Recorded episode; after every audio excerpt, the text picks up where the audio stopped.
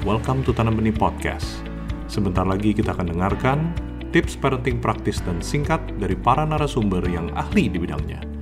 Agar tidak ketinggalan tips parenting yang lainnya, jangan lupa klik tombol follow. Parents, selamat belajar.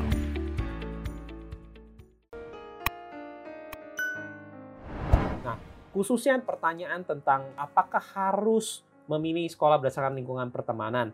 Nah, sama seperti pertanyaan apakah harus kita memilih di daerah tertentu atau kita memilih eh, sekolah yang mahal atau kita harus memilih sekolah yang berkurikulum tertentu. Bagi saya ini pertanyaan yang cukup mirip. Hal itu semua bisa berubah. Bayangkan saja dengan zaman uh, pandemi ini dari kita yang mungkin memilih sekolah yang uh, mungkin ada A B C D E tahu-tahu semuanya menjadi seragam yaitu semuanya sekolah online ya padahal mungkin kita dari dulu nggak pernah berpikiran bahwa kita mau sekolah di anak kita online. Tapi sekarang dengan kondisi kita terpaksa semua online. Nah, sama juga pertemanan.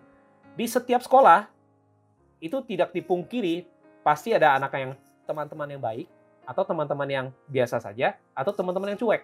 Itu pasti ada. Ya, tidak dapat dipungkiri. Apakah uh, orang tua merasa oh uh, di sekolah ini dengar-dengar ya, dengar-dengar itu banyak banget anaknya yang kurang baik. Ini dengar-dengar ini ini yang ini yang baik gitu ya. Nah, Oke, tetapi denger-dengernya itu angkatan kapan? Ya, jangan-jangan pada saat misalnya ya, misalnya denger-denger itu ada anak yang kurang baik itu misalkan di angkatan kelas kelas berapa? Misal kelas 5-nya gitu ya. Tapi anak Anda baru mau masuk kelas 1. Nah, atau kebalikan. Wah, denger-denger ini baik banget ya. Tahu-tahu yang baik banget itu angkatan kelas 7-nya gitu ya. Anak Anda baru masuk kelas 1. Eh, tahu-tahu di kelas 1 itu ada beberapa teman-teman yang kurang baik. Nah, sehingga akhirnya sama aja dan itu memang tidak dapat dicegah atau tidak dapat kita perhitungkan kadang-kadang. Bahkan kalau misalnya kita mau bilang, wah ini kayaknya ada ada sejarahnya kayak gini ya.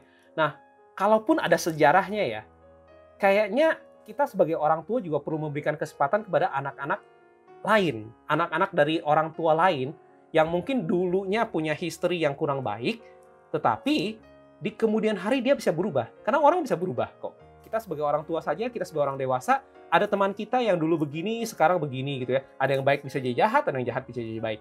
Jadi saya tidak berharap bahwa sekolah itu hanya dilihat berdasarkan dari pertemanan.